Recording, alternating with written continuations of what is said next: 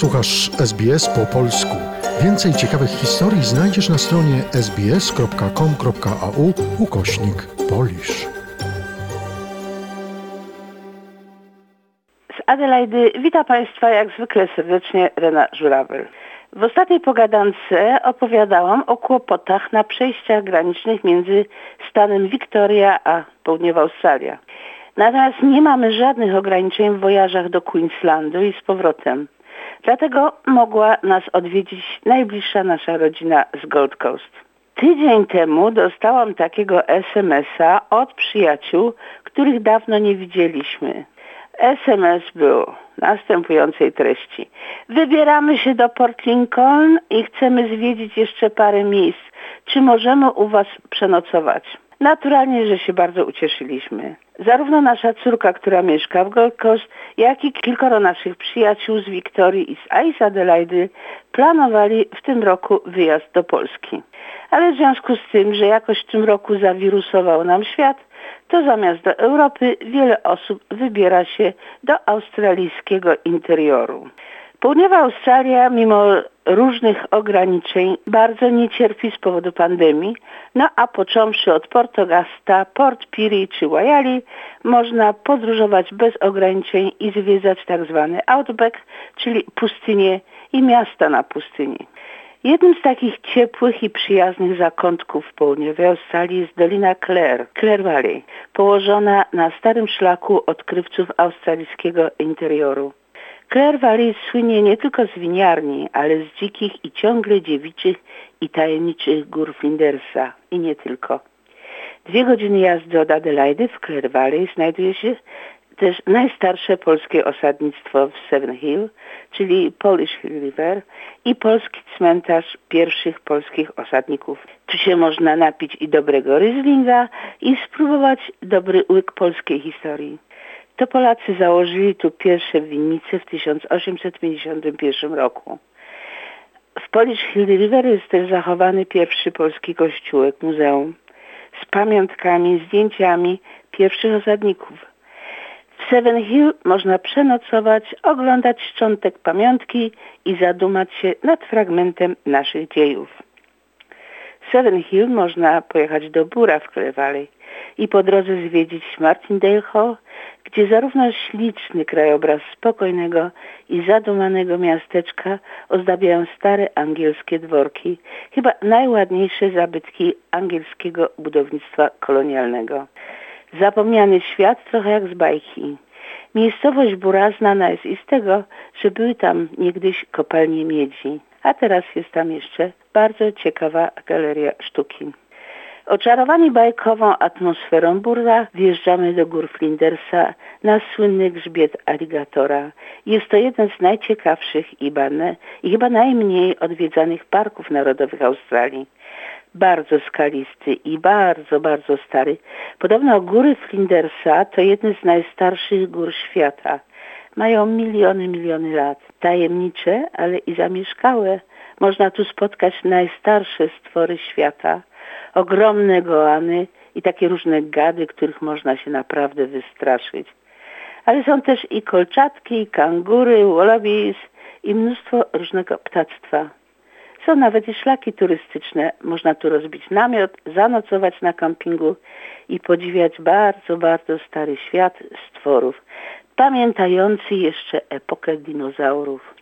Park Narodowy w Górach Flindersa to trochę taki świat z innej planety. Staw Wilpena i bardzo czerwone ścieżki i skały powiadają, że niektóre szczyty górskie mają 800 milionów lat. Skały tu tworzą kratery i bardzo ostre szczyty gór. Góry Flindersa są też najstarszym siedliskiem tubylców, tubylców z najstarszych szczepów aborygenów.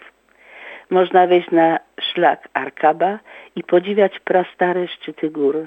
Wrażenie jest niezapomniane. Czas od wieków stanął i trwa w miejscu. Dziko i pusto i głucho i tylko, jak powiadał Napoleon, przemawiają milczące wieki najstarszych gór na świecie.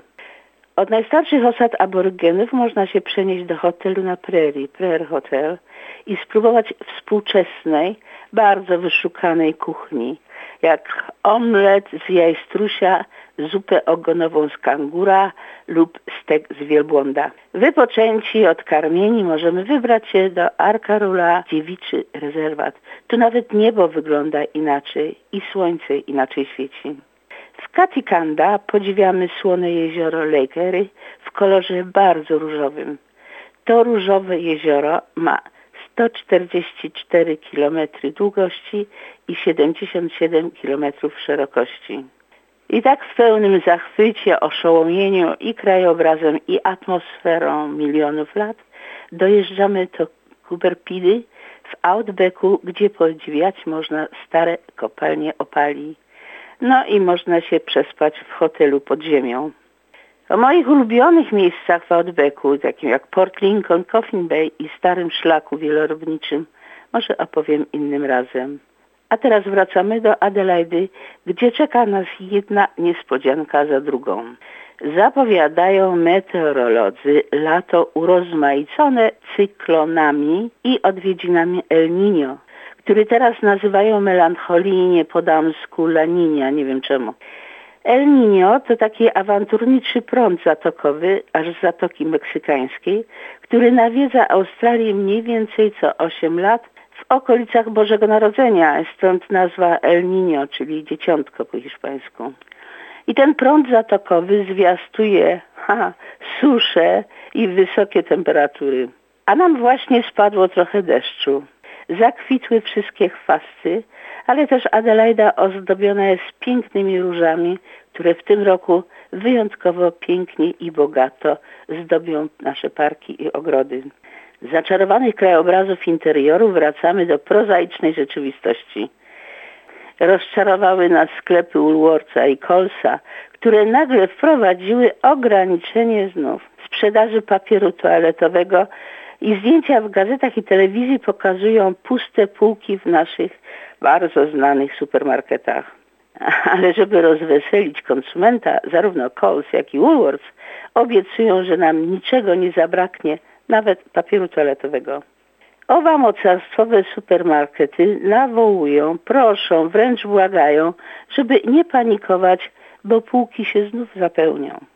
A rząd południowej Australii obiecuje, że porozumie się z policją odnośnie dziwnych zachowań czerwonych świateł na skrzyżowaniach. Wielu kierowców narzeka, że słabo, słaba synchronizacja świateł i ściśle związana z tym zjawiskiem ilością mandatów. Kierowcy zaś narzekają, że jest duże nieporozumienie w pojmowaniu roli żółtego światła. Ruch kołowy w Adelaidzie bardzo wzrósł ostatnimi laty i miasto w ogóle nie zostało dostosowane do wzmożonego ruchu kołowego. Światła niestety nie są w stanie zastąpić przepustowości ulic. Mamy ogromne zatory na drogach. Czas jazdy do pracy bardzo się wydłużył, a i niecierpliwość na skrzyżowaniach wzrosła. Co robić, jak dojeżdżamy do skrzyżowania i światło się zmienia z zielonego na żółte? Niestety na ogół trudno zdążyć przejechać na żółtym świetle, żeby nie, nie wpaść w tak zwaną czerwoną zonę. Z kolei kierowca jadący za nami też się spieszy do pracy i ma nadzieję, że jak my zdążymy przejechać skrzyżowanie na żółtym świetle, to i on się jakoś zmieści. Często dochodzi do stłuczki.